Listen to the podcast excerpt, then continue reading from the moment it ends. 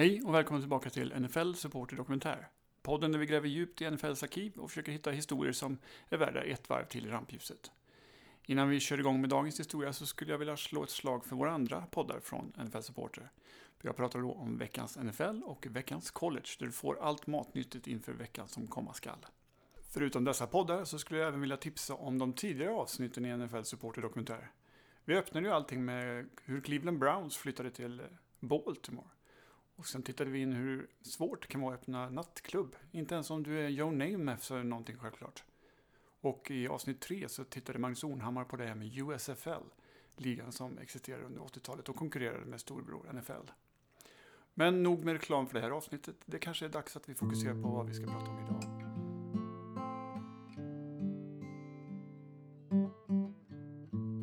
En fråga som ligger mig nära om hjärtat det är den här med supporterskap.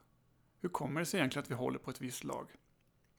Tittar vi på den europeiska fotbollen så är det inte ovanligt att vi håller på ett visst lag för att vi har gjort det sedan urminnes tider, sedan vi var fem år gamla. Eller att pappa höll på laget och därför håller jag också på det. Eller att vi kommer från samma stad som laget. Det som alla anledningar har gemensamt i de här fallen är att de ofta är ganska lika och ganska kanske tråkiga. Tittar vi däremot på den amerikanska fotbollen så är det oftast helt annorlunda. För något år sedan gjorde jag en artikelserie där jag försökte hitta ett svenskt fan till varje NFL-klubb. Och det som var påtagligt var att anledningen till att vi följer en klubb i USA är väldigt olika.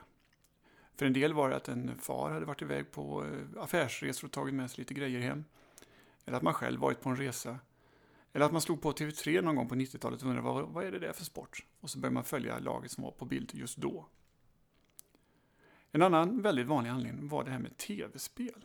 Helt enkelt att man skaffade sig ett eh, tv-spel med amerikansk fotboll och lärde sig sporten och lärde sig uppskatta den via detta tv-spel. I den här genren finns det självfallet massor av spel, men den största av dem alla är nog John Madden Football, eller Madden som det heter idag. Min kollega Rickard Olsson har tittat närmare på fenomenet Madden. Så idag blir det helt enkelt tv-spel för hela slanten. Håll till godo. Madden. Throws right side for Dyson. He dives for the end zone. Didn't make it. Win, baby. Due to the various uncertainties surrounding my position as it relates to the team's new ownership, um, I've decided to resign as the head coach of the New York Only Jets. four words. This one's for John. Madden. När man hör namnet så tänker man kanske inte längre på den legendariska tränaren och kommentatorn John Madden utan snarare på EA Sports ikoniska tv-spel. Och det är såklart inget fel med det. Madden är inte längre en aktuell tränare eller mediafigur medan spelet har en lika självklar plats i tittarnas vardagsrum idag som en bobblehead. Spelet bara växer och växer, från dess första utgåva 1988 via en rad konkurrenter till att idag ensamt stå ohotade som det enda NFL-spelet på marknaden. Det ger oss chansen att lämna soffan, att ta plats på planen och visa våra vänner att de är betydligt sämre än vad vi är. Dagens avsnitt berättar historien bakom spelets uppkomst, dess resa till modern tid och dess plats i den moderna tv-spelsvärlden. Hi, everyone. Welcome to John Madden Football.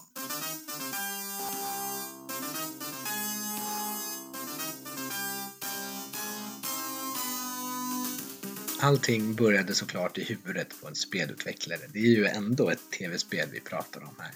Men tack och lov också tillika sportnörd och businessman som prompt skulle producera ett eget NFL-spel. Trip Hawkins hade nyligen startat Electronic Arts, EA, tillsammans med kollegan Bing Gordon. Och han ska många år senare säga att drömmen om att utveckla ett NFL-spel säkert, medvetet eller omedvetet, var en bidragande orsak till varför han grundade EA från första början. Det var däremot inte deras första riktiga projekt utan de byggde bland annat ett basketspel innan. Men skisser och iklottrade idéblock fyllde Hawkins skrivbord och så fort företaget började få fäste tog han och EA sikte på den drömmen. Hawkins första kontakt i sökandet efter en frontfigur för ett eventuellt samarbete var däremot med Joe Montana redan när EA grundades 1982 ett sätt för honom att fiska efter lite intresse och känna efter vad, vilka namn som eventuellt skulle vara tillgängliga. Men det hände ingenting då Montana var redan bunden med ett kontrakt till en annan spelutvecklare för ett eventuellt projekt som sen också kommer att spöka för EA så fort de börjar få sitt eget spel i produktion. Två år senare tar istället Hawkins kontakt med John Madden, som för EA är lite av den stora valen. Madden hade gått vidare från en makalöst framgångsrik karriär som tränare för Raiders till att bli en älskad, färgstark publikfavorit som kommentator. Hans marknadsvärde var såklart skyhögt och ett namn som EA väldigt gärna ville knyta till sig.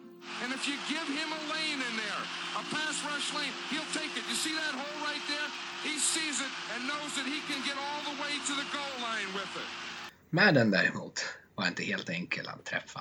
Under säsongen så skyndade han hektiskt runt i landet för att kommentera matcher och med hans ökända rädsla för flyg så krävdes andra mer långsamma transportmedel. Han hade därför inte så mycket tid över för ett möte, varken ute på EAs huvudkontor eller någon annanstans. Trip Hawkins var desperat. Han tog sin bästa spelutvecklare, lög till Denver där Madden precis hade kommenterat en match och så gjorde de honom sedan sällskap på sin tågresa tillbaka till Oakland för nästa veckas show. På tåget höll de ett två dagar långt möte och insåg ganska tidigt att de båda parterna var lika nyfikna och intresserade av varandra. EA ville inte bara åt Maddens namn utan även hans kunskap, hans expertis. Och Madden ville inte bara lämna över sin signatur och vara ett marknadsföringsknep för EA utan han ville också ha inflytande åt spelet. Skulle det gå under hans namn så ville han att det skulle uppfylla vissa kriterier och vägrade lämna ut ett namn åt en produkt som han själv inte tyckte uppfyllde förväntningarna på vad som innebar ett bra NFL-spel. Han var mer än behjälplig i stort sett allting och lämnade över hela spelböcker och gav EA i stort sett allting som de behövde. Under den här två dagars tågresan till exempel så höll han bokstavligen lektioner i olika uppställningar i route-koncept och olika typer utav försvar. Trip Hawkins och hans spelutvecklare må vara intresserade utav sport, men det här var på en helt annan nivå. Men eh, de tog med sig all kunskap de fick och så försökte de göra allt de kunde för att tillgodose Maddens önskemål. Men det första utkastet de skulle skapa skulle ändå inte riktigt vara tillräckligt. Två år tog det efter mötet på tåget för EA att få till ett fungerande spel där de hade använt Maddens spelbok som den strategiska grunden och Apple 2 som plattformen, datorn. Men när Hawkins och hans kamrater mötte Madden var det långt ifrån vad legenden hade hoppats på. Det största problemet var att EA bara hade sju spelare i vardera lag och Madden var tokig. Det är inte äkta fotboll om det inte är 11 mot 11. Jag sätter bara mitt namn på det om det är äkta. This isn't real. What is real? How do you define real? If you're talking about what you can feel, what you can smell, what you can taste and see, then real is simply electrical signals interpreted by your brain. Madden vägrade kompromissa med denna ståndpunkt, även om EAs utvecklare försökte övertyga honom om att det skulle vara i stort sett omöjligt att få 22 spelare på planen med dåtidens datorer. Kom ihåg, på Apple 2 kunde man till och med bara använda fyra olika typer av färger, så det fanns inte riktigt de teknologiska förutsättningarna för att uppfylla vad Madden hade förväntat sig. Men Madden gav sig inte. För honom var det ett strategiskt spel och det skulle efterlikna verkligheten. Han såg verklig fotboll från sidlinjen, från sin erfarenhet som tränare. Det var ett strategispel med 11 pjäser i vardera lag och han varken förstod eller brydde sig om tekniken bakom spelet. Rätt ska vara rätt. Vi spolar oss fram ytterligare två år i tiden det var det det krävdes för utvecklarna, att skapa ett någorlunda fungerande spel som också levde upp till Maddens nästan orimliga krav. Och 1988 kom således äntligen debuten. John Madden Football var fött. På framsidan dundrar Madden fram genom en vägg målad som en fotbollsplan och introt på datorn ger en omedveten läskig rekreation av The Shinings klassiska Johnny-scen. I bakgrunden också musik som påminner om Hajen. Spelet i sig var otroligt långsamt. Det hackade, det gick knappt att styra spelarna. Det gjorde det med musen till och med. Men det strategiska bakom, det var ljusår före sin tid. Och det var precis det som Madden hade som vision. Man kunde rita egna spel, bestämma defensiva ansvar så att du hade, om du ville, alla spelare markerade en receiver. Du skapade dina egna lag och egna spelare. Det var en hjärnornas kamp snarare än handla om snygg grafik, snygga passningar, coola tacklingar. Spelet togs blygsamt emot. Det var långt ifrån en succé men samtidigt tillräckligt lönsamt för att uppmuntra en fortsättning. EA hade fått känn för ett intresse, sått ett frö och börjat få lite av en publik. Trip Hawkins dröm om ett NFL-spel var nu verkligt, men också bara i sitt tidiga, tidiga stadie. Året därpå går EA in i en ny era när de väljer att skippa Apple och skippa datorer och istället rikta in sig på Segas nya 16-bit-konsol Genesis. Det innebar att uppföljaren också skulle dröja ett år, att det inte kom ett spel 1989. Och det var såklart rätt beslut. På den betydligt mer kraftfulla plattformen hade Madden 1990 ett helt annat flyt. Det innehöll plötsligt 28 lag istället för ynka 2 och det var betydligt snyggare. Ända fram till 1994 bestod lagen utav påhittade organisationer och påhittade spelare imitationer grundade i de existerande lagen med styrkor och svagheter rankade av EA och John Madden. Men 1994 lyckades EA komma överens om ett licensavtal med NFL för att kunna använda lagens namn och året därpå, 95, fick de också använda spelarnas namn efter ett avtal med facket.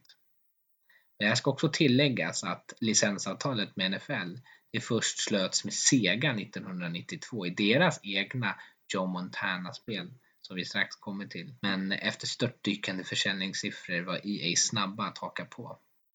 Det var just Joe Montana som kom tillbaka och spökade som EAs första konkurrent redan andra året efter att de hade debuterat på Segas konsol. Och det var en ganska prekär jävsituation.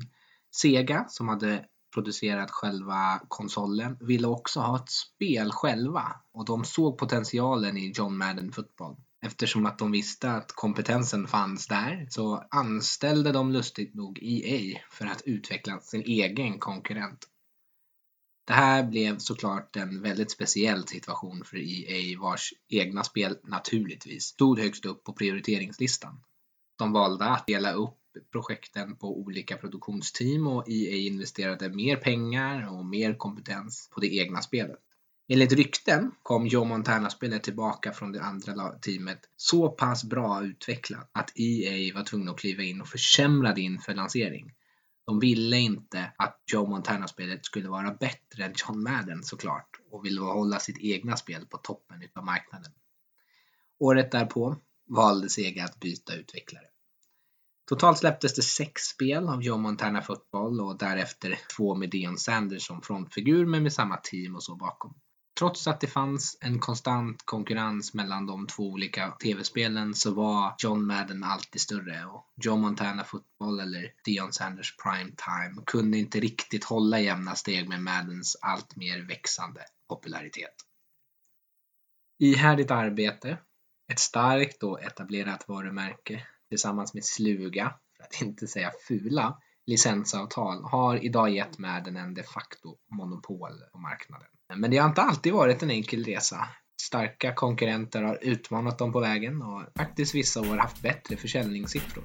Förutom nyss nämnda John Montana Football har EA genom historien haft två riktigt stora utmanare om tronen och musiken som rullar nu i bakgrunden tillhör en av dem, NFL 2K. Men först ut, före 2K-serien, kom NFL Game Day som 1996 lanserades av Sony som det första NFL-spelet på Playstation. Det var alltid en jämn strid med Madden och Game Day ses ofta som att alltid vara ett steg före i innovation. Sony anställde Kelly Flock som var involverad i projektet sa i en intervju om du vill spela nästa års Madden tidigt, köp årets Game Day. En utmanande men också faktiskt träffsäker kommentar. EA var alltid livrädda för Sony som en konkurrent. De var så stora, de hade så mycket pengar och hade de bara velat investera mer tid och mer pengar och mer kompetens i sitt NFL-spel så eh, trodde EA hela tiden att då skulle de förlora kampen. Konkurrensen med Game Day var det som gav oss först ett mer realistiskt 3D-perspektiv som förändrade AI på samtliga spelare, som tog spelet från arkadvärlden till en mer verklighetstrogen simulation och som till slut också gav oss Maddens älskade franchise-mode. Och det var de två senare idéerna som kom via EA och också som hjälpte Madden att gå segrande ur striden. Men då klev istället NFL 2K in, en spelserie med en väldigt hängiven supporterskara. De var aldrig riktigt lika stora som Game Day och aldrig riktigt utmanade världens kontroll på marknaden. Men de var otroligt viktiga i att tvinga fram utvecklingen. I 2K och EA's strid att toppa varandra skapades online-spel. Det blev en mer fokus på den här verklighetstrogna tv-sändningen som vi känner igen från spelet idag med foton från sidlinjen och spelare som firar touchdowns. Och så såklart Maddens så kallade hitstick som gav oss soffsittare mer kontroll över spelarna på planen. Små rörelser i sidan som gjorde att vi blev mer träffsäkra i vad vi gjorde. Till slut tog Madden effektivt död på 2K-serien genom ett slukt, fult och kritiserat exklusivt licensavtal med NFL och NFLPA som gav EA egen rätt att använda riktiga namn på lag och riktiga namn på spelare. Därmed monopoliserade EA marknaden och har gjort ända sedan dess. Skeptikerna vid den tidpunkten trodde att det här innebar slutet på innovation. När EA inte längre skulle utmanas, varför skulle de då föra fram spelet på det sättet som de har gjort tidigare? Men här ska man faktiskt ge EA mycket kudos för att de faktiskt har varit skickliga i att fortsätta utveckla och förbättra spelet med små detaljer, små förändringar varje år. Och vi ser konstant hur de utmanar vad som är möjligt att göra och för att få allting att kännas mer och mer verkligt.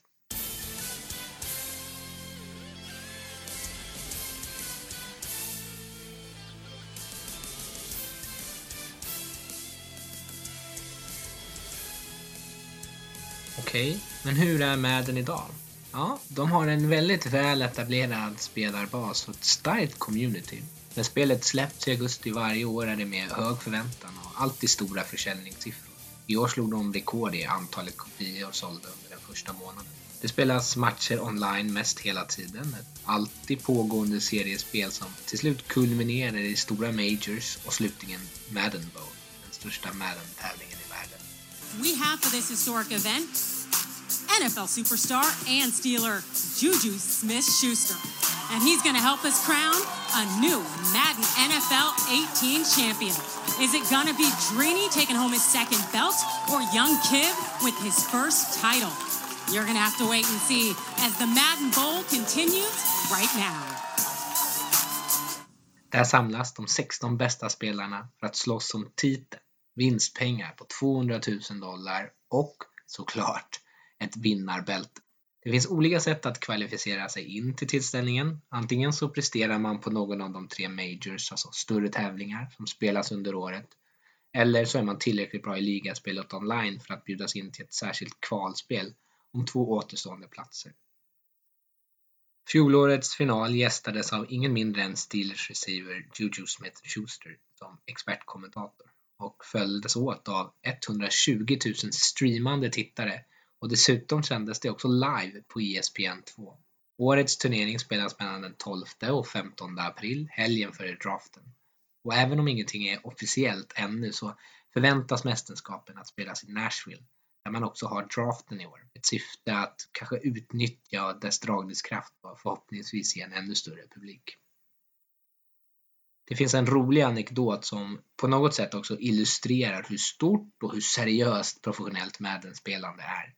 Vi som följer NFL, vi är ju vana vid ligans förkärlek till att bötfälla sina spelare och tydligen är EA inte sämre. 2017 drog de av 3000 dollar från vinstsumman av en av sina spelare, Chris Dubby McFarlane, efter att denne skrivit flera rasistiska och kränkande inlägg på sin Twitter. Och med samma språk som Roger Goodell gärna använder så var det i syfte att försvara varumärkets integritet och att spelarna måste ta ansvar för att de inte bara längre representerar sig själva utan även EA och Madden. Are you okay with your rating this year no. in Madden 19? Because I'm not okay with it. That's half the reason I don't play Madden. So. It's really? Right? It's, yeah. it's trash. well, actually, where am I rated amongst running backs? Second. Second. See, that's not good then. I got. I feel like I should be the number one highest rated running back. Um, what do you think? Disrespectful. It's supposed to be a 95. Anything else? Nah, just disrespectful. Det är inte bara i spelvärlden som Madden tas på allvar. När spelarbetygen släpps, ofta under försommaren, så är det alltid nyhetsvärde. Det täcks av i stort sett alla sportmedier. ESPN har långa debatter. NFL Network har speciella program där de diskuterar rankingen och vilka spelare som egentligen är bäst. Och spelarna själva är såklart även de nyfikna. Alla dessa tävlingsmänniskor i NFL, alla dessa egon och förstorade självbilder. Såklart att de bryr sig. Och varje år kommenterar spelare via sociala medier vad de tycker. Ofta är de väldigt missnöjda. Vill du hitta en rejält irriterad spelare så kan du söka efter Ethan Albrights brev som han adresserade till John Madden i reaktion till att vara den sämsta spelaren på Madden 2007. Brevet innehåller en hel del barnförbjudet språk och bland annat avslutar han med Fuck you John. Please expect to find red pubes in various meals you consume for the rest of your life. EA ursäktar sig dock inte för sina låga betyg utan snarare säger de att de blir oroliga när spelarna är nöjda. Kontinuerligt under året uppdateras spelarbetygen utifrån spelarnas prestationer men dessa mindre justeringar går ofta obemärkt förbi. Troligen är det kanske också bara nyhetsvärde i maj och juli för att vi då så mycket hungrar efter allt som är NFL. Allt kring Madden är dock inte glatt och härligt. Det finns ju en ökänd Madden-curse för den vidskepliga att ligga sömnlös över. It's not a gift, Billy. It's a curse. Sen 2001, vilket var första året då EA valde att skrota den åldrade John Madden på framsidan för att istället använda aktiva spelare, så har en förvånansvärt hög procent av spelarna skadat sig eller av annan anledning varit en besvikelse. Första omslaget var Garrison Hurst. Han fick en fotskada, borta två år. Sen var det tänkt att Barry Sanders skulle pryda omslaget, men han pensionerade sig innan säsongen. Dorsey Levens tog Sanders plats. Han skadade sig. Eddie George året därpå tappade en passning i slutspelet som fångades upp utav Ravens och hans Titans åkte ut på grund av det. Listan är lång. Vicks benbrott, McNabs ljumske och ACL, Polamalos MCL och PCL. Ja, ni fattar. Det finns till och med historier om spelare som vägrat ställa upp på omslaget i rädsla av en eventuell förbannelse. Och när LeDanian Tomlinson ryktades pryda framsidan 2008 kampanjade Chargers fans för att få honom att avstå, vilket han också gjorde, även om det mer troligen rörde sig om för lite betalt än fansens önskan. Set, set.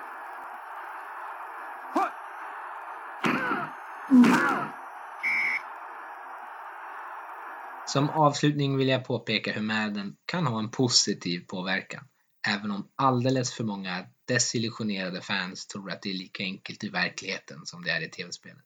När jag som ny i sport ett gäng år tillbaka köpte mitt första Madden var det ett smidigt sätt för mig att faktiskt förstå grunderna i spelet. Det går snabbt att plocka upp begrepp som zonspel och screen och blitz. Du tränas också i att, om än förenklat, läsa försvaren efter snap, förstå vikten av gap-ansvar som försvarsspelare. Jag minns när jag spelade med en kompis som konstant skrattade åt mig för att jag envist passade bollen hela tiden, var på en lång diskussion om värdet att springa bollen på first down följde.